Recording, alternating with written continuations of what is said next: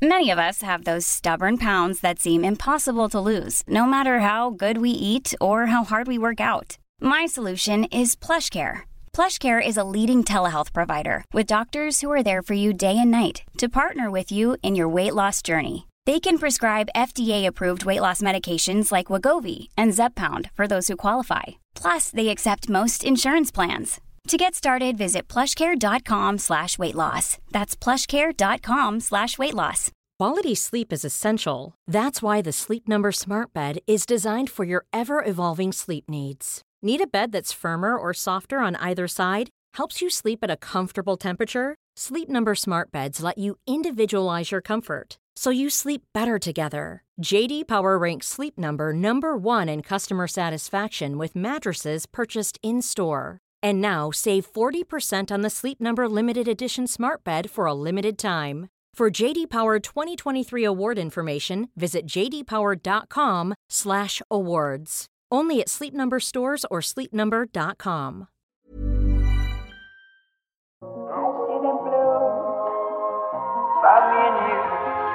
And I think to myself, what a wonderful world. Må lage en god episode nå. Da er det OL, og det begynner nå, liksom. Og så bare satt jeg på i, kjerra på vei hjem, og så Riber har testa positivt. Bare sånn Ja, det Hæ? Kanskje, kanskje det altså som, Vi har mange sterke gullfavoritter da, i Norge. Vi er heldige sånn sett. eh, Eller burde vært heldige sånn sett. eh, Men eh, Jarl Magnus Riiber var jo virkelig en av de heteste av de hete. Og eh, urettferdig. Uh, tolka, tolka som at han hadde tatt det ganske pent. Altså, i hvert fall det, Nå har jeg ikke hørt fra han selv, da. men det var noen foreldre og sånn inne i bildet, som måtte virka som at de tok det tyngre enn sønnen. Ja, uh, altså Jeg kjenner ikke Jarl Magnus innmari godt sjøl, men han er jo en sindig Sindig fyr. da. Han er jo, han er jo balansert og, og fin, liksom. Men jeg kjente jo at eh, jeg, jeg, jeg hadde liksom glemt omikron litt grann nå.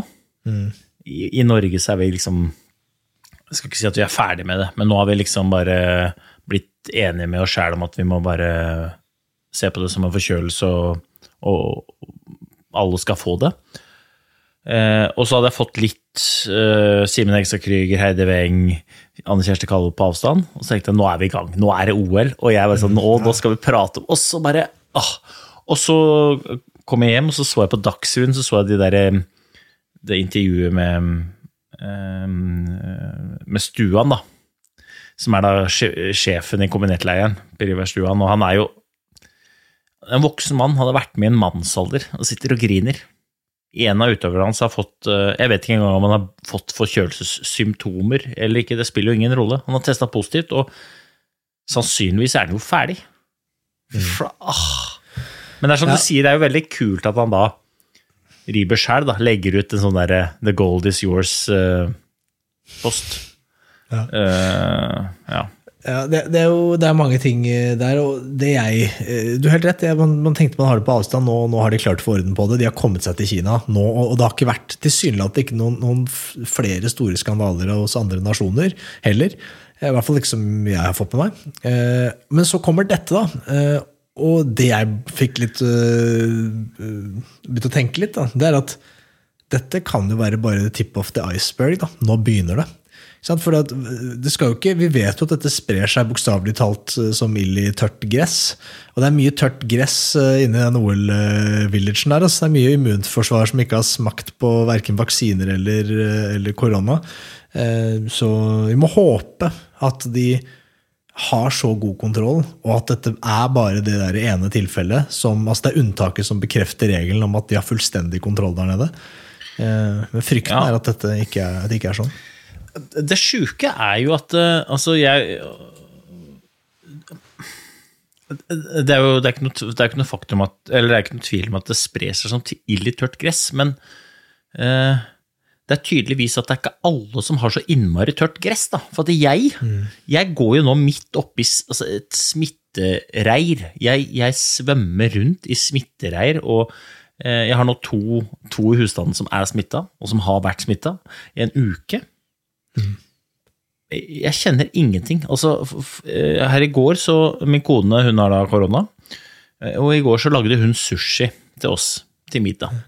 Jeg er litt usikker på om Simen Hegstad Krüger lagde sushi til resten av gjengen før de dro nedover til Beijing, men altså det, det, det, det kan hende at jeg bare ikke har fått positiv test lenger, men, eller enda, men, men det har jo vært smitte i huset siden lørdag.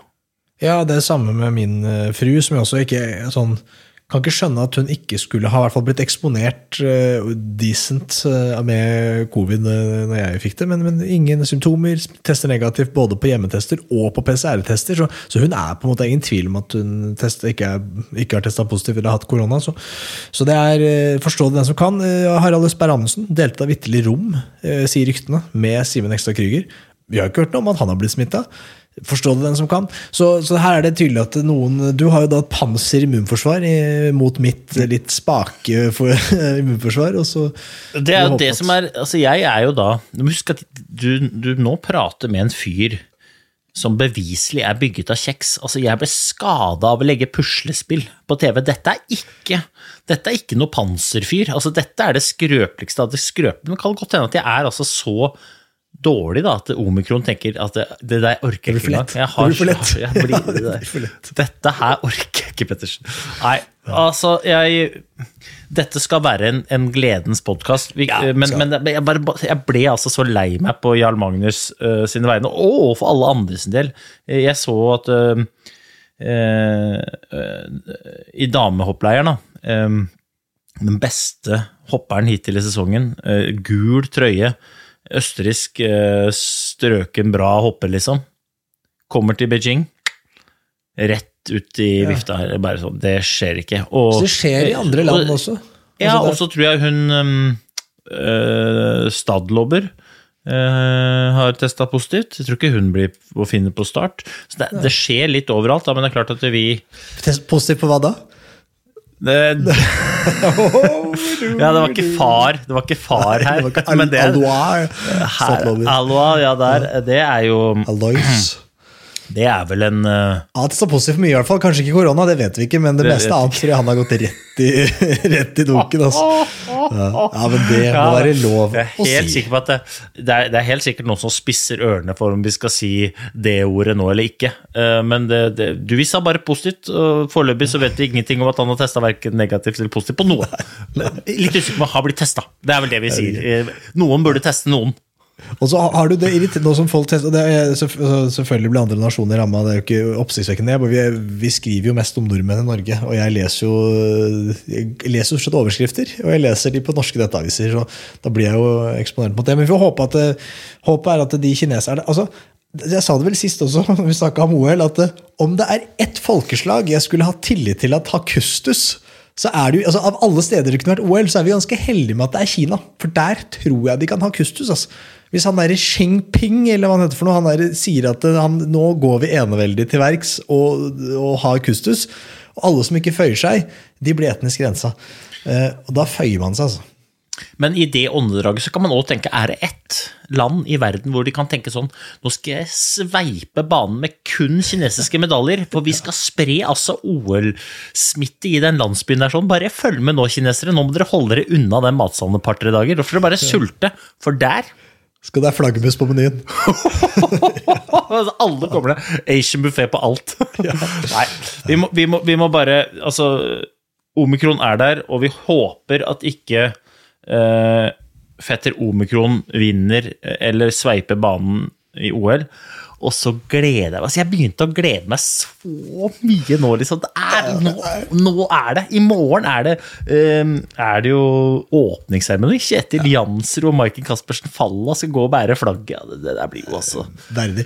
Verdig. Eh, Åpningsseremonien er jo min minst eh, favorittdistanse under OL. altså Den er også så tung, den åpningsseremonien. Jeg syns det er så kjedelig. Ser Er du på de greiene der? dette, dette er litt artig, for at jeg, jeg tenker det samme som deg. Altså, jeg syns det er så kjedelig. Jeg tenker få på noe idrett. Få på noe idrett. Men så, da, eh, var jeg heldig å så sladde innom et OL sjæl. Ja. Og da var det liksom sterke krefter som sa til meg at eh, du bør dra på åpningsseremonien. Jeg skal være ærlig og si at jeg ah, Ja. Ikke så interessert, altså virkelig. Men ok, greit, jeg har ingenting annet å gjøre, bli min. Og vi sto og venta under liksom en sånn svær tribune i vinter og votter, og så skulle vi gå inn der, og jeg tenkte herregud, for noe dølle greier. Og så var det én regel. Ikke lov til å ta bilder med mobilen når du går inn der. Ikke gå rundt og film og ja, det er det mange Liksom- som gjør. og så, Akkurat for det er nerven. Idet jeg gikk inn, så var det sånn Å, fy søren! Og det var altså altså Jeg syns det er dritkjedelig å se på, men når jeg deltok, så bare var det helt tullete. Jeg opp med mobilen og glemt var alle de reglene om ikke Jeg filma og tok bilder og selfies og ditt og se på meg i OL, og jeg er på åpningsseremoni. Så satte vi oss ned på, på, på, på stolene, og under stolene så var det da en haug av søppel. Det var rekvisitas som vi skulle da bruke til dette showet. Og jeg tenkte bare, det skjer ikke. Gikk det 14 sekunder, kom Neil Young inn i arenaen spillende på en gitar og et munnspill, og jeg opp med søppelet og jubla. Altså, jeg var altså han fyren Plastting du kan som- slå i hverandre. Ja, det jeg var han fyren som sitter på første rad med sykkelhjelm på hodet og er litt i overkant begeistra. Han var jeg på ordseremonien. Så åpningsseremoni, dritkjedelig, men kjempe... Altså, det er altså det feteste. Det er det faktisk det jeg husker best av hele OL. Dette, er, dette er gøy, fordi jeg har lyst til at vi skal bruke episoden da. Dette er jo OL-feberepisoden. Vi, vi må lade opp. Eh, kalenderen min er, er fylt opp med alle de øvelsene jeg skal se. Det er ganske mye. Og eh, det skjer mange ting med meg i hvert fall når det er OL. Det er en hel haug av idretter som jeg gir fullstendig blanke i, som jeg plutselig begynner å følge med på. En av mine favorittidretter som jeg følger med på hver gang det er OL, det er den derre Jeg vet ikke hva det heter, jeg tror det er sånn derre sånn derre der de liksom knuffer sånn alpint på noen hindre. Det kjøres fire og fire i sånn hinderløype. Skicross? Ski, ja. Dritgøy! Hver gang OL. Utenom OL-sesong. Kan ikke bry meg mindre. Når det er OL-sesong, jeg, jeg er så fan av skicross. Altså, det er altså spennende. Og det, og den fins også på snowboard. Og jeg følger med på det òg. Jeg Ja, liker best folk på toski. Ja, ja, ikke sant? Bordercross. Vet ikke hva det heter engang. Dritspennende. Curling, sier du? Ja da, gi det til meg! Og curling har tjø- tjuvstarta. Du, du tenker kanskje at, at du har ikke begynt å sette OL ennå, du har ikke vært åpningsseremoni. Og om jeg har, blanda curling. Jeg har begynt å ha gått innledende i blanda curling lenge. Jeg følger med, jeg. Så det er noe som skjer med meg når det er OL. Jeg får altså fullstendig feber, og jeg følger med på alt. Og så er det selvfølgelig noen høydepunkter. Jeg, spesielt, vi er jo veldig glad i langrenn. Skiskyting er gøy. Altså alle øvelser hvor nordmenn kan hevde seg. Jeg har jo Skihopping har lenge vært en sånn gren som jeg har følt meg litt sånn eh, genetisk forplikta til å følge med på. Eh, fordi vi er norske, og det er jo norsk sport. Det lærte jo Tor Gotte hos oss. Uh, fikk jo det med teskjeer, at dette er sport vi har å følge med på, og vi skal heie. Men og, og under OL også blir selv, selv skihopp blir, altså Alt bare blir mye, mye viktigere. Men det det er veldig gøy det du sier, da. Er jeg tror det er mange som kjenner seg igjen i det, liksom. Altså, det var helt tullete. Det er det er, OL er helt altså, Det er helt tullete. Jeg tror faktisk OL er det er, er det det eneste stedet Eller eneste arrangementet du kan på en måte nevne overalt i verden hvor alle har et forhold til det, tror du? om det er. Og Hvis jeg var deg, så hadde jeg konsekvent gått rundt i utlandet og introdusert meg som Olympic champion Øystein Pettersen. I have as many goals as a certain Michael Jordan, if you know that guy. Begge to. Ett gull. Ikke snakk til meg. Det ja. men, men jeg skjønner at du Det, ja, det, når det skal sies, så Jeg reiser jo ingen steder i verden. Eh, Så jeg reiser, jeg reiser til Brumunddal, og der har de andre helter enn Øystein Pettersen. Så det er det som, er, det som er problemet mitt. Vet du. Men kanskje jeg skal ta meg en tur til Dubaisen? men, men det jeg har lyst til å gjøre i dag, da, siden, vi, siden det er en OL-feber, og vi eh, de fleste av eh, de aller største eh, OL-stjernene som, som skal delta, de er jo nede i Beijing har ikke tid til å være med oss. Så er vi jo heldige i redaksjonen å ha en fyr som du, du nevnte. Du har jo opplevd OL. Eh, Og her, jeg har masse spørsmål. På, for, fordi eh, det er hvordan fungerer et OL? Eh, Og da la oss liksom ta det helt til liksom før man kommer med i et OL, så er det jo man må kvalifisere seg til lag og sånn. Det kjenner vi litt til. Eh, og så er det ofte da en sånn spesifikk dato. I år så var den i januar en gang, hvor liksom laget tas ut. Jeg tror ikke noe på at laget tas ut, at de sitter kvelden før og tar ut det laget. Jeg tror alle på laget vet, visste i jula eh, sannsynligvis en eller annen gang under Tour de Ski, så visste alle hvem det er som går. Eh, så de har god tid på seg til å bearbeide det før det slippes i media, og sånne, til sånne som oss. Stemmer det? Eller er- det bare ditt inntrykk? Hvordan var det da du holdt på? altså, det, det, så det er jo eh, det, det stemmer nok til en viss grad at noen vet, eh, men jeg tror ikke alle vet. da. Nå, for eksempel, så ble jo eh, Emil Iversen ikke, ikke valgt, eller vraka, eller kall det hva du vil. Og, og det tror jeg ikke han visste Nei. før ganske tett innpå. Og så tror jeg kanskje at Pål Golberg har fått høre det før Emil Iversen. Eh, men eh, dette vet jeg jo ikke, da, men det som den, siste plassen der, den er jo Jeg er helt sikker på at HC og Klæbo øh, har fått beskjed tidlig. Eh, og så tror jeg at Krüger var tiltenkt en plass. Ja, åpenbart. åpenbart. Og, og så tror jeg at Emil Iversen i utgangspunktet var tiltenkt. Men da tror jeg de to, altså Sjur og Pål, tror jeg ble dytta inn. Og jeg tror ikke de har fått så innmari lang beskjed på det. Altså, Det tror jeg ikke. Eh, Men jeg tror at ting begynte å skje når Krüger eh, falt ut, og da tror jeg at de måtte gå en runde med Emil. Så, så, sånn som jeg kjenner Emil, så er han ganske ærlig på det. da. Ja, Tror du ikke det? At han, at han rett og slett sa det selv? Jo, samtidig som det, dette her er litt sånn vanskelig, for han hadde jo eksempel, før Tour de Ski så hadde han jo gode tester oppe i Meråker, så han sa jo selv at han var i veldig god form, og så var han jo ikke det. Så én ting er noe å teste godt, en annen ting er å prestere godt i konkurranse. Og er det noen som vet noe om dette, så vet i hvert fall eh, jeg mye om det. Én ting er en test, en annen ting er en konkurranse. Jeg vant alt som var på onsdager, og tapte alt som var på lørdager. Eh, eh, men optimalt sett så skal jo utøverne få lov til å forberede seg lengst mulig mot ulike distansene. Også på de siste plassene så er det litt sånn bingo-lingo. Ok, for, for det er OL i Vancouver som du var med på, så det, skjønner alle at det er litt, sannsynligvis litt annerledes eh, nede i Beijing akkurat i år pga. korona. Men, men OL, la oss liksom gå inn i en slags sånn tradisjonell OL-boble som du har vært med å oppleve. Eh, så hvordan Ja, for- starter vi på Vi er i Norge. Man reiser, reiser man sammen med de andre lagene eh, ned? Samme fly? Samme Men Det, det veldig Det kommer helt an på oppladninga. Hvor, hvor, hvor er det I år er det jo høyden. Så i år så har langrenn ligget i Seiserhallen, som er et fantastisk sted som jeg anbefaler alle sammen å ta seg en tur, enten sommer eller vinter. Supert sted. Um, og så skulle vel de fly, sånn så vidt, så vidt jeg har skjønt, ganske mange fly samme, samme fly ned, men det ble jo endra på pga. Uh, uh, omikron. Um, når vi i Vancouver, så var det jo, er det jo ikke høyde.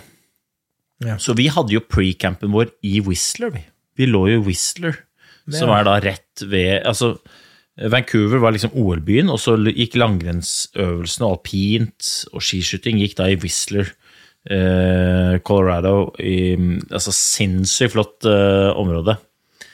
Eh, nei, BC er vel, British Columbia er det vel. Men ja, i hvert fall.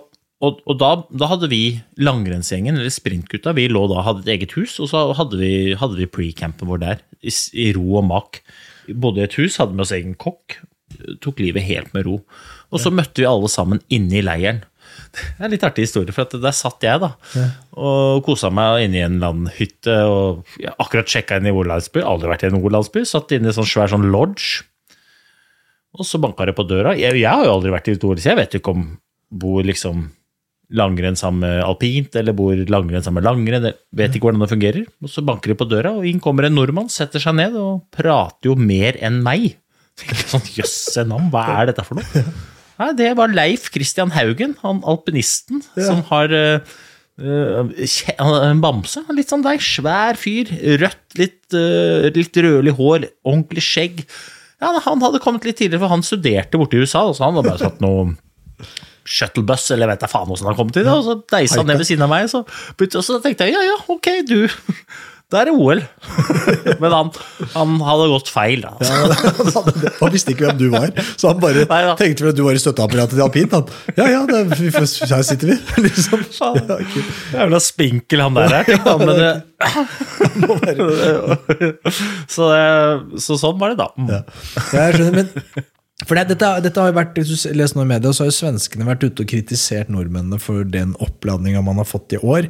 Med at nordmennene øh, Dette var skiskytterne, da. så var De svenske skiskytterne har jo vært allerede en uke eller sånn de, i Beijing når nordmennene kom ned. De fleste kom ned tirsdag kveld.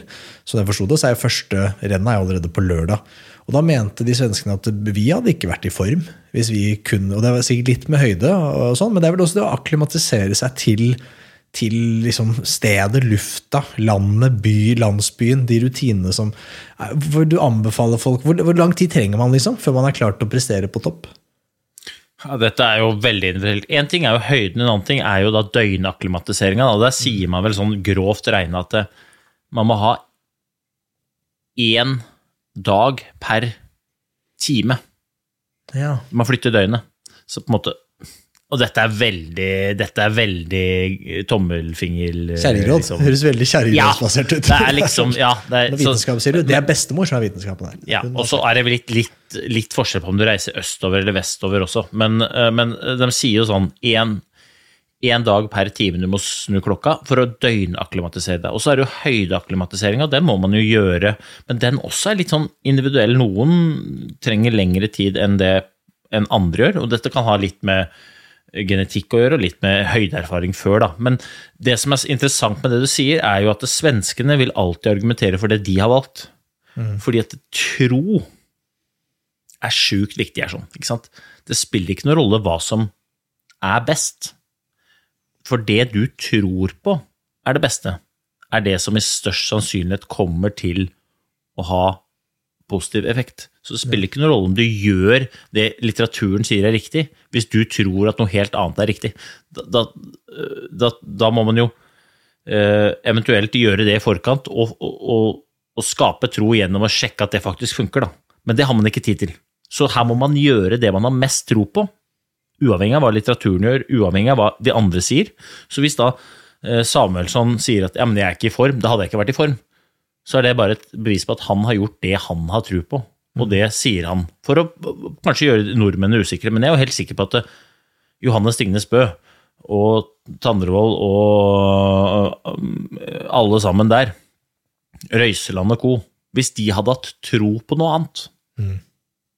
så hadde de tatt det samme flyet som Samuelsson ned. Altså, det, er liksom ikke det at de, eh, de ikke har lest eller gjort leksa si. Dette har vært dette har de gått noen runder på, og så har de funnet det de mener er det optimale, og så banker de på det. Så de, Ekspressen, kan godt ha et intervju med det norske som sier hadde vi gjort som Sverige, så hadde ikke vi vært i form.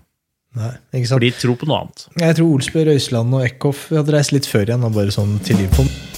Er det én ting jeg veit, så er det at du og jeg kommer til å ha mange gode samtaler eh, de neste ukene. Eh, for det er OL, og OL det sparker gode samtaler.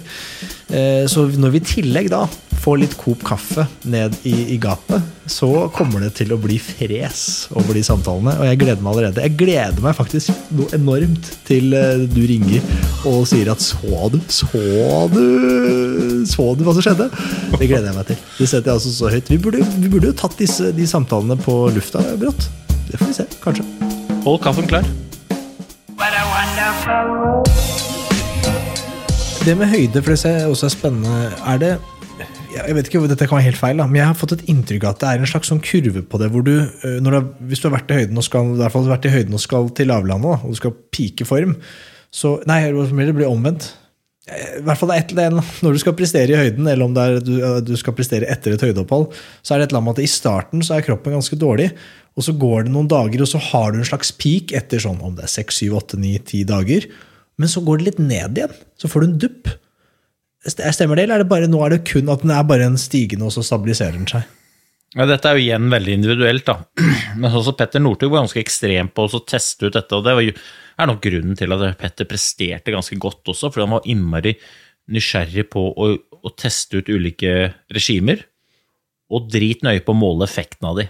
Mm. Så han fant jo ut på hvilken dag etter høyden han presterte best, og så la han opp sitt treningsprogram og sitt opplegg inn mot viktige løp etter det regimet. Ja. Um, så det du sikter til, er nok det å komme fra høyden og ned i lavlandet. Mm. Uh, når man da skal til høyden, så er det jo da veldig, veldig ulike ulikt hvordan man på en måte presterer best. Noen kan det komme f.eks. i Davos, da. Det er skirenn i Davos. Eh, Og da er det jo noen som reiser ned Da pleier det stort sett å være skirenn helga før. Og så reiser man da ned enten søndag etter skirennet som har vært i helga, eller mandag. Og så er det da skirennet i Davos lørdag og søndag. Og da får man konkurranse enten på dag fem eller på dag seks. Mm. Og da er det jo mange som presterer litt dårlig, fordi at liksom, de føler at dag fire, fem, seks er litt sånn tunge dager. Og det, og det kan være. Så da er det noen som da velger å ikke reise opp til Davos i det hele tatt. Reiser ned på fredag, ligger nede, lurer kroppen ved å bare dra rett opp på konkurransedagen, banke av gårde, og før kroppen skjønner at den er på, på høyde, så har det gått forhåpentligvis 15 km, drita fort, og på vei ned igjen. Og, og det har fungert veldig bra for noen, og så fungerer det ræva for andre. Så her må man på en måte bare finne ut sin greie, da. Men det blir spennende å jeg, jeg tror nok ingen av eh, favorittene eller de mest ressurssterke eh, nasjonene eller løperne står på start i Kina uten å være så godt akklimatisert og forberedt som overhodet mulig. Nei. Men så er jo litt ting som setter en litt annerledes i år, da. For eksempel så var jo norske gutta noen dager nede i høyden før de fikk dra videre, for eksempel. Det tror jeg egentlig ikke var planlagt, da. De var vel to-tre dager, tre dager kanskje, i, Ja. eh, i lavlandet. Men ja, Ole Einar Bjørndal, for eksempel, han gjorde sånn at han kunne for eksempel gått skirenn i høyden, og så kunne han sove lavt, og så dra opp igjen i høyden dagen etter. Ja. For å få best mulig restitusjon av det rennet han hadde gått i høyden. Ah, Og så, gikk, ja, ja. så sov han lavt, og så banka han opp igjen. Så han trente høyt og, og, og restituerte lavt, ja. Ja. Men det var bare én dag, for eksempel. Da. Ja, Så. Det, er jo Og jeg er ikke noe Dette kunne vi hatt eksempel en Erlend Hem. Kunne vært en superinteressant fyr å diskutere på dette her, da. Men eh, for han kan veldig mye mer om høydetrening enn det jeg kan. Men eh, det er veldig spennende. For dette er veldig mye tall, masse teorier, masse praksis, og så tror jeg ikke det er noe sånn Dette er liksom det aller, aller beste. Jeg tror det er litt sånn Det er vel litt Dette kan fungere, og dette kan fungere. Ja, At, det, at det er sånn noen covid. kan bli syke og andre. Altså det er vel liksom, det er vel individuelt. At det er, eh, alle kropper er forskjellige videre. Det er jo kosthold og det er jo alle disse tingene her. Så det er veldig sjelden en one size fits all. Da. Denne treningsplanen tar deg til sommerkroppen. Så er det sånn, ja, kanskje for noen, men for andre så Ja, for det er jo også det derre jeg, jeg tror veldig mye sitter mellom øra da, på hvordan er det man på en måte ser på tingenes tilstand. Eh, nå er det høyde, ikke sant? OL ligger, er i høyden, går i høyden. Eh, og høyde er jo en faktor. Eh, Davos, der er det høyderenn. eh, 1600 meter, ikke sant? Og alle snakker om den skumle høyden. Men hver eneste sommer så trener folk på Sognefjellet, 200 meter høyere enn Davos. Ingen snakker om høyden. Alle bare banker av gårde. Det er liksom ingen eh, Det er bare å kjøre på. påskefør og ja, ja, det er det psykologien, ja. For det, det at man psyker seg litt ut. At man, at man bestemmer seg for at, eller at det er, Og det er farlig, så skjønner jeg at man det er, Jeg tror ikke de er helt det er jo ikke naive, så de som har bestemt, bestemt seg for at de ikke takler høyde, det er jo basert på noen erfaringer. Eh, Men tenk deg sånn som det er så synd og urettferdig med Krüger, for tenk, tenk deg hvilken selvtillit han har. Han, han, han, han har altså så selvtillit på det, men, men sånn er det. Vi får håpe at han kommer seg eh, og, og, banker et, i hvert fall ett gull, eller et par i hvert fall, da, på slutten av mesterskapet. Jeg har trua på det. Det jeg lurte på videre her med dette OL-greiene Jeg tror folk lurer på dette her, og jeg, det er mulig for deg at dette er at, eh, Men sånn helt i detaljer Du, du, kommer, du kommer til Vancouver. altså Når du sier ja, så dro vi til OL-landsbyen, sier du. Så dro vi dit. Jeg tror ikke noe, på det. Kan- jeg bare dra inn i O-landsbyen? Og bare, nei, så møter jeg Leif, eh, han er Leif Nestvold Haugen og prater litt med han. Det, det er jo ikke sånn, det må, det, Får jeg noe akkreditt? Sjekker de passet ditt? Sjekk, får du noe lapp? Ja, det er ja, du må bli meldt på da, av Norges olympiske komité, og så får du akkreditering og tjohei. hei. Da. Og da, da, som athlete så har du tilgang til en del ting. Eh, også som eh, så For eksempel deltakerlandsbyen, der er det bare støtteapparat, trenere og utøvere som kommer inn. Ikke noe press eller noe inni der. Og det, for å komme inn der, så må du gjennom en sikkerhetsgate eller en, en, en, en hovedinngang, da. Og det er, det er ikke bare å gå inn og ut der. Eh, Det er, da sjekkes det. Så eksempel hvis du kommer kjørende med en buss, da. Norge kommer med kjørende med bussen sin fra flyplassen, så det, sjekker de om det er bomber og granater i den bussen. Og så sjekkes alle for akkreditering og tjoei, og så, så er man inne. Og når man da er inne, så er man inne i lukka sone, og der er det Norge har sine hus eller blokker eller uh, hva det nå enn er, uh, hvor de norske bor, og så er det, er det de ulike nasjonene bor liksom samla, eller noenlunde samla, da. Og så uh, der inne så er alt gratis, alt tilgjengelig. Eh, Så kan du Hva, bare Vær tilgjengelig? Hva, hva gjør man? For det er sånn, jeg lurer på, sånn, Du går der nede, det du skal si du skal gå renn om en uke. da. Eh, og Du skal bare gå sprint, la oss si det. ikke sant? Så du, men du kommer ned tidlig, kommer ned med gjengen.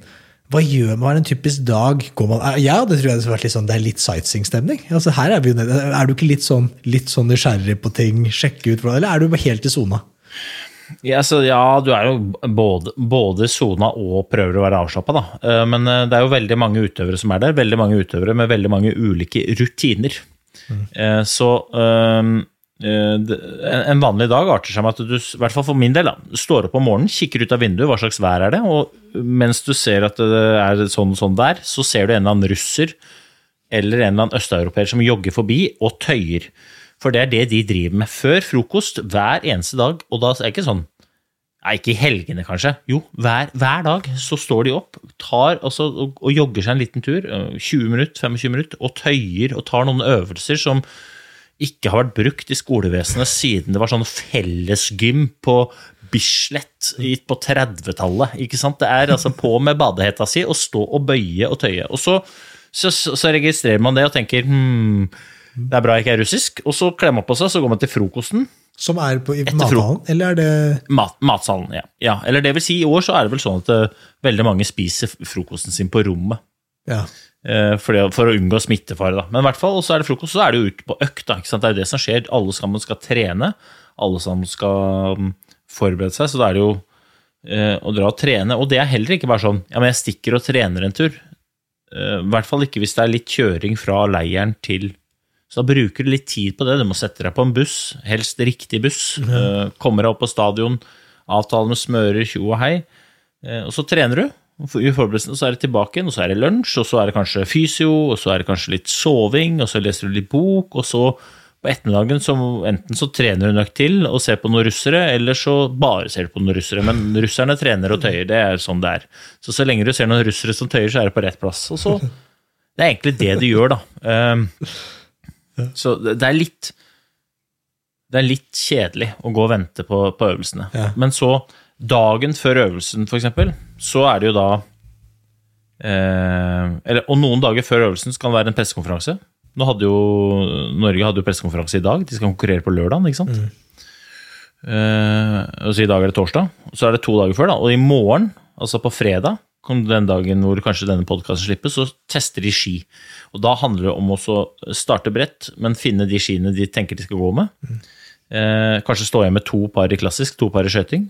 Og så trener en lettøkt. Noen kjører en hardøkt, litt ulikt, og spesielt nå som det er i høyde, så lønner det seg å ha funnet ut dette.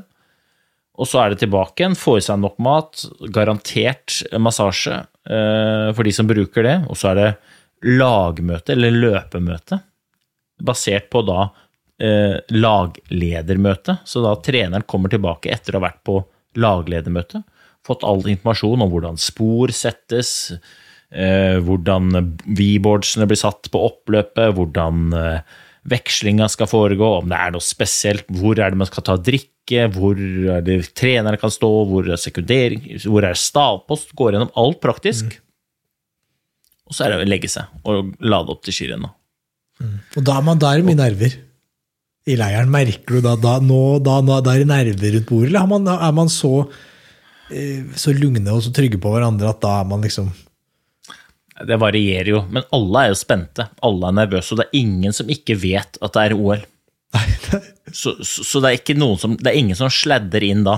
Da er alle ganske, er alle ganske på tuppa og alle ganske på alerten. Men samtidig så tror jeg at folk, i hvert fall for min egen del, da, at man presterer best hvis man klarer å være avslappa likevel. Klarer å være avslappa. De råeste utøverne, som har da best kontroll, det er de som er mest avslappa. Ja, ja. De, de, for de vet alt som kommer fra før av, så de sitter nesten og bare hviler og sover og virker totalt uinteressert. Men det de gjør altså De, de er den derre den lille løven som ligger under treet sitt, og den bare ligger der og er skikkelig doven og dorsk. For de vet at i morgen så er det jakt. Og du kan godt tro at løven er eh, doven og dorsk, men da tror du feil. Ja.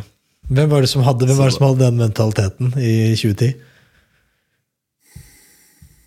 Nei, jeg syns det var mange som var det, da. Um, men Petter er liksom et unikum på det. da. Han kunne altså se totalt uinteressert ut, men det var bare fordi han hadde kunne reglene fra før av. Han kunne spille ut og inn og fram og tilbake og hadde stålkontroll på alt. Altså, Petter Northug er en utøver som de er så detaljfokusert, og du vil ikke tro det. Vi snakker om folk som tar av, du vet eh, Når du skal ta opp glidelåsen på, på skoene, så har du noe du holder i. Ja. Petter Northug klippet av den lille dingsen som du holder i for å spare vekt. E Emil Jønsson Emil Jønsson gikk med svikkstaver, og på de svikkstavene som var på den tiden hvor han gikk, og jeg gikk også for så vidt, så ble det en sånn Når du stramma stroppen, så ble det en liten sånn tapp med tøy, en litt sånn tøyremse, over holka. Den klippet han av for å spare vekt. Det er liksom, det er på det nivået der, da. Ja, Det er, det er kort Eh. vei mellom genial og gal, så det er, det er Ja, ja, og i, i Valdef hjemme så fikk Petters, da gikk Petter til kombinertleiren og fikk sydd inn um, konkurransedressen som vi gikk i, fordi han mente at den var litt for blafrete. Sånn bitte litt for blaffrete. Liksom. jo- Det er liksom på det Tok ikke gull, han, så Men um, Ja da. Ja, eh, nei, så, ok, så, så det er eh, Ok, så, da, så går man da renn, eh, og da kan du jo gå alle veier. Du har jo opplevd det meste. Men la oss si man da er såpass frampå at man, man vinner, eller man får medalje, da. Eh, så det er jo den råeste følelsen sannsynligvis man kan ha, i hvert fall der og da. fordi det er jo det du har jobba mot et helt liv, eh, sannsynligvis. Men hvis man ser bort ifra det, da, jeg er litt på det praktiske nå, hva skjer da? Du kommer i mål, Ja, jubler. Hva, hva, hva skjer da? Nei, etter at man har jubla fra seg og tatt disse bildene som man blir tatt i målområdet, det er for liksom For å få banka ut øh, hvem er det som har vunnet, hva slags utstyr er det går på, og tjo og hei. Så er det gjennom det som kalles for da mix zone, og den mix zone den er jo da i litt sånn prioritert rekkefølge, men øh, den tar litt tid. Da går det gjennom alle lands um, reportteam, prater med de, og god stemning og tjo og hei. Eh, Jo lengre tid du bruker gjennom der, desto bedre har du stort sett gått. Ja. Så jeg har hatt renn hvor man bare cruiser rett igjennom der, og ja, knapt får lov til å si hei hei til de folka som står der, uten å Ja. Eh, Så, så da gjør man det, og så uh, Dette må jeg si med fare for at det kan jo hende at det har endra praksis, da. Men uh, den ene gangen jeg sladda inn til et olympisk gull, så var det da, etter mikssonen, så var det da uh, premieseremoni på stadion, hvor du får blomster og en sånn premie av noe slag. Eh, og så er det ut igjen, og så er det til internasjonal pressekonferanse, hvor du da eh, Da er det sånn vanlig pressekonferanse. Du setter deg bak et bord, drikker litt vann, og så får du spørsmål fra eh, internasjonal presse. Ja. Eh, Skrivende presse ofte, da, ikke sant, som ikke har fått noe å høre noe, for de står jo ikke der på den, i den mikssonen. Eh, og så er det dopingtest. Og så er det ned i leiren. Dopingtest, og- er det både urinprøve og blodprøve? Ja. Ja. Da er det, øh, det er det. Og da Det foregår veldig enkelt. Altså, blod er jo blod, så det er jo alle som har tatt en blodprøve, vet hvordan det fungerer. Eh, Men da tapper du blod, så får du to sånne rør. De skal du ha kontroll på selv, og du må sette på alle lapper og alt sånt for at det skal være ganske trygt sant, for utøveren. Og, så du, og så er det da urin, og det må du da, da må du pisse i en, eh, pisser du i en, en beholder som du hele tiden velger. Altså du, du velger en beholder som du må sjekke at det er forsegla og ligger i en sånn plastpose. Ja. Akkurat sånn som alle som har tatt eh, eh, selvtest korona, omtrent sånn er det. Bare at det er, litt, det er et beger med et lokk, og så er det inni en forsegla plastbeger. Og så pisser du oppi den koppen, du holder på det hele tiden, eh, og da er det noen som sjekker at du faktisk tisser i den koppen. Så er det noen som står og ser på at du står og tisser. Ja. At ikke det er noe du har med deg urin inn, eller det ene eller andre. Jeg kjører en sånn estisk variant. Det er sikkert ulike nasjoner som har kjørt ulike varianter, men eh, mulig at Estland har kjørt noen. Vi får ringe Verpolo og høre. Ja. Uh, um, Og så tar du da den urinen som du går og passer på, den må du gå og passe på veldig. Så velger du da en beholder hvor du skal helle, og da er da et A-beger og et B-beger. Dette er da de prøvene som du heller urinen din oppi de to ulike begerne, og så sendes de til analyse. A- og B-prøven har du hørt om, ikke sant? Det er de to glassene. Ja. Så den ene står det A på, den andre står det B på. Og de forsegles da med en sånn eh, skrukork som skal være umulig å åpne. Og så har jeg sett da en sånn dokumentar som da viser at det går an å åpne den, men da blir det et merke på. Og de som ikke har sett den dokumentaren, eh, de får gå inn på, på Netflix og, og Dritgod søke opp dokumentar for øvrig. Ja, den er god, altså. Den er god. Mye røyk, i hvert fall. ja, Der er det mye røyk, der. Der er det mye røyk, der. Oh. Nei, og så eh, Etter dopingkontroll så, så reiser man ned, da. Og det, de råeste folka de reiser fort ned eh, etter en dopingkontroll. De som ikke er så rå, de kan bruke lang tid. For her handler det om også Du skal tisse nok, Ja. men den urinen den må inneholde altså kan ikke, Du kan ikke drikke så mye at urinen blir for tynn, for du skal klare å analysere hva som er i der. Det kan ikke bare være vann. Så det er liksom, du skal drikke mye, men ikke så mye at ikke du får analysert det. Så du må vite akkurat altså De beste de må liksom tisse eh, omtrent når du kommer inn, mens folk har sittet der i mange timer. Hvem, hvem, hvem var eh, notorisk dårlig på dopingtest? Hvem var det som var dårlig til å tisse på kommando? For å utlevere Nei, det husker jeg ikke, det husker jeg ikke, men dette er noe du lærer etter hvert. Da. Så jeg tror alle sammen eh, blir bedre, uavhengig av nivå, utgangsnivået ditt. Så blir alle sammen ganske mye bedre. Altså, det er, eh, ja, og, og det som er litt gøy, er at hvis du, når du kommer i mål i et skirenn og blitt plukka ut til dopingtest, så kommer det en eller annen og sier hei, jeg skal være med på dopingtest med deg, og nå må jeg følge med deg hele tiden. Så nå får ikke du lov til å gå noe sted uten at jeg vet hvor du går, og at jeg er med. Ja. Så, da, så hvis du vinner et olympisk gull, kan du løpe opp i publikum og gi eh, noen kompiser en klem. Liksom, det skjer ikke. Da har du med deg Du har med deg Eh, Stanislav, liksom. Jeg har med Stanislav. Jeg har møtt Ja. han. Hvem Ja. er det? Jeg møtte han Ja. nettopp. Han er fra Wada. Han er Ja. jævlig ålreit. ja, ja. Så det er, det er sånn det er, da. Så, ja. Og så Dette ble et langt svar. Så reiser man ned til leiren eller der man bor, prøver å få seg noe mat, og hvis man da er heldig, eh, så er det da premieutdeling samme dagen.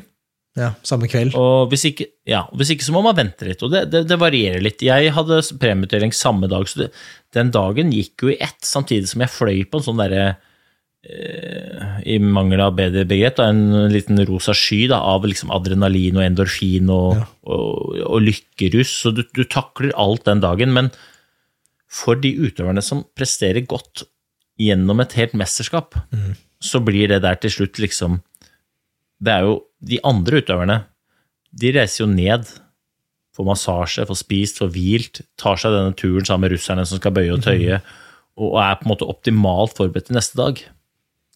Mens det skjer ikke for de som er på pallen. Og det er et sånt eh, element som jeg tror eh, har vært spennende å høre med f.eks. Therese eller Johannes eller de aller beste utøverne, hvordan de løser det. da, For det er jeg oppriktig nysgjerrig på sjøl. Men er det ikke også litt med hvordan du at Når du vant, så var det jo det siste rennet ditt for OL. Så du kunne også tillate deg å slå en prat i dopingtesten og gå litt rundt, spise, hygge deg. Hvis du visste du hadde trent om tre dager som er viktig for deg, så tror du ikke du hadde approacha hele den eh, altså Ja, du mister jo litt restitusjonstid som de andre får, det kommer du ikke unna. Men du hadde nok sannsynligvis vært mer kynisk i prioriteringene dine etterpå. Altså, jeg, jeg, skal, jeg, skal, jeg skal bortom den premietellingen, jeg skal stikke fra nakken, liksom. Men, men jeg, jeg Det er liksom det, That's Ja. it. Ja, det er nok et godt poeng, da. Og akkurat uh, smalltalken med, med tiss, tissen i hånda og sånn, den, den tror jeg ikke jeg hadde drøyd uansett. Akkurat den tror jeg faktisk, For den, den, den var ganske kort. Jeg liksom jeg er ikke så jovial at jeg liksom spør om livshistorien til folk når jeg står og pisser i en kopp. Det, så, der går nok grensa selv for meg, da. Men, men jeg tror nok at du har et godt poeng der med at de uh, Jeg for eksempel fikk jo autografen til både Sergej Bubka og Frankie Fredericks på, på premieseremoni. Litt usikker på om Petter Northug fikk det, faktisk. Jeg var ikke så opptatt av det. ja, for, okay, for, dette, dette er gøy, det har du nevnt. Vi, vi, vi kommer, altså, så okay, bare så vi, vi tar reisen, så da du får gullet, og når du er ferdig da, så er du egentlig er det fri. Da kan man hjem, sove osv. Eller man kan feire. Var det en fest da? Da var det fortsatt øvelser igjen, var det ikke det? Det var jo både stafett og femmil så videre igjen etter at dere hadde vunnet gull. Her husker, her husker jeg faktisk ikke. Her husker jeg faktisk ikke om jeg Det tyder på fest, tenker jeg. Nei, altså ikke, ikke spesielt mye alkohol inn i bildet, uansett.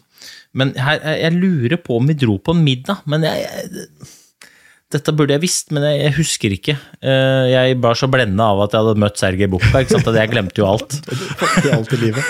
Dette er ikke Ja, ja, ja. lykke. Ja, du har vunnet OL-gull. liksom. Nei, nei, fuck OL-gull. Jeg møtte Sergej Bubka, liksom. Jeg tok han i hånda. Ja, men, jo, men helt seriøst, Sergej Bukka er jo ganske rå. Jeg har altså en jakke som er altså så Gregor Slirensauer, og det er bare stjerner på den jakka, da. Men um, eh, når jeg var ferdig der på premieutdelinga, så enten så er det jo å dra tilbake til leiren, og der er det ganske stille. Leggetid. Tidlig leggetid. Kanskje det er noen russere som tøyer utenfor vinduet men det er liksom det er det. Eventuelt at eh, Leif Kristian uh, Nestvold Haugen sitter i, i stu... Trenger hjelp, med bagene sine. Du, du kunne Det- tatt i bagene. Altså, jeg har jo vunnet OL-gull. Ja ja, kom igjen. Ja, han er en drita hyggelig fyr, det skal sies. Han er drithyggelig. Men eh, Nei, og så er det jo det er, det er det, det, da. Det er jo, jeg, jeg, tenker, jeg tror at folk tenker at det er mer feiring enn det er. Når får du snakka Eh, med familie? Men det er et innmari godt sånn? på- eh, Altså, ja og nei, da. Altså, du får snakka med familie, men samtidig så Det skjer så mye, så du får ikke liksom satt deg ned og virkelig prata. Og så er det ikke så mye å si heller, for alle er mer sånn «Waha, jaha, Og du er bare sånn «Wahoo, ja», så, ja, vi snakkes i morgen. Ja, mobilen går varm. Den er bare å Altså, nå må du huske at jeg var jo jeg hadde jo Snake på mobilen når jeg vant dette olympiske gullet mitt. Så det, liksom, eh, det, var, det var stort sett SMS-es, og eventuelt hvis det kom noen MMS, så var det umulig å se hvem det var på det to pixel store bildet.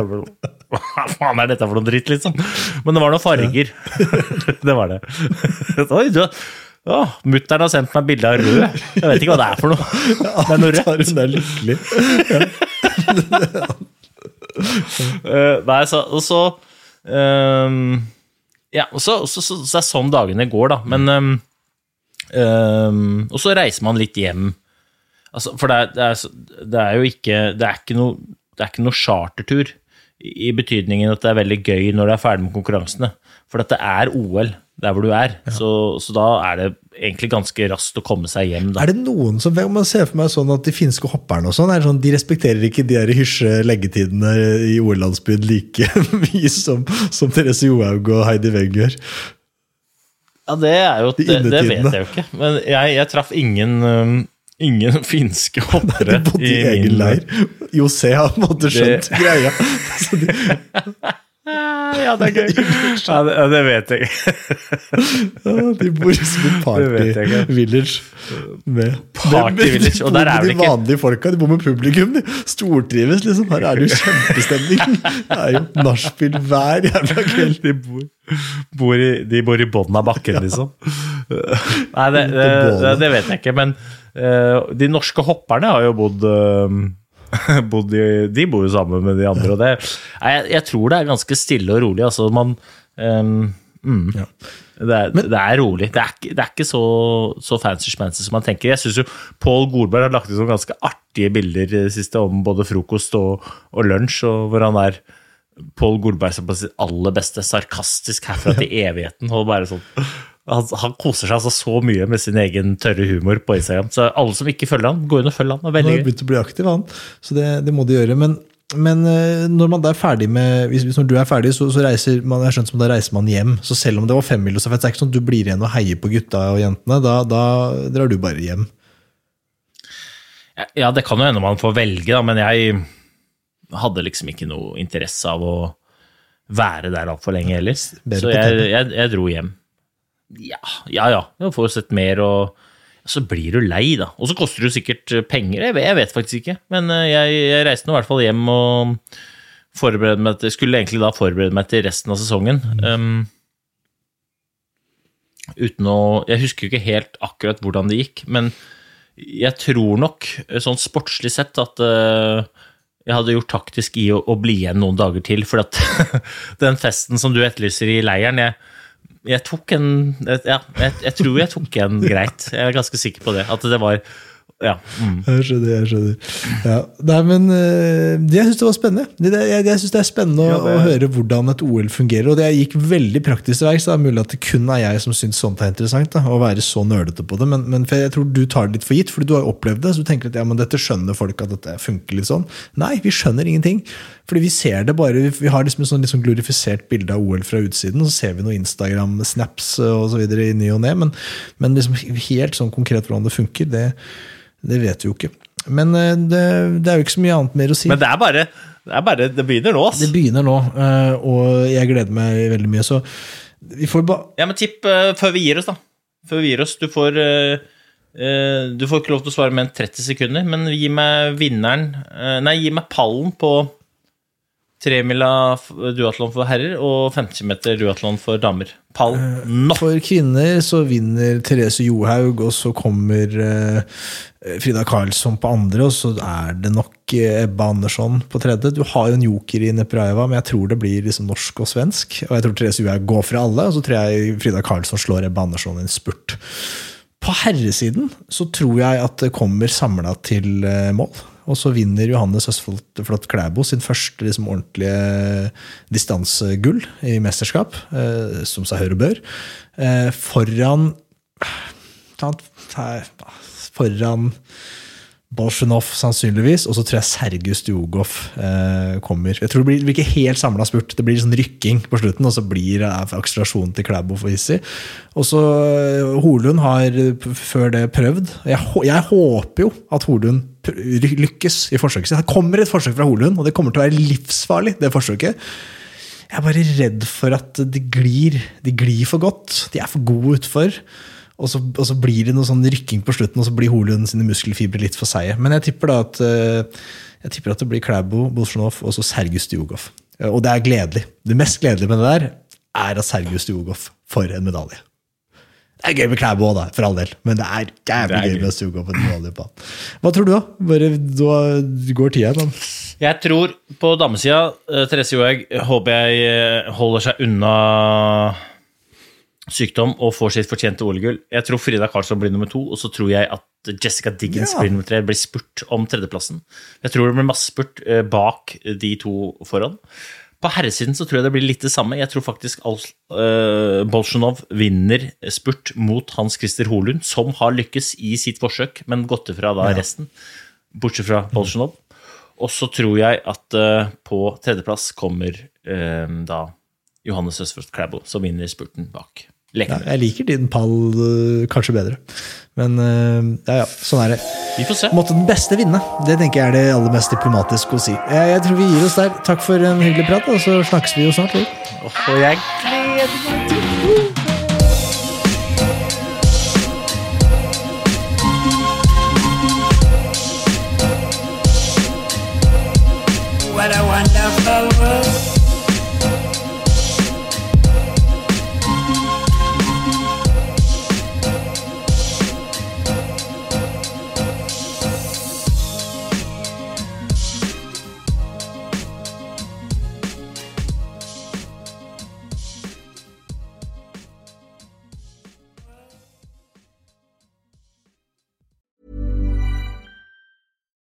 flexibility? Take yoga. Want flexibility with your health insurance? Check out United Healthcare Insurance Plans. Underwritten by Golden Rule Insurance Company, they offer flexible, budget friendly medical, dental, and vision coverage that may be right for you.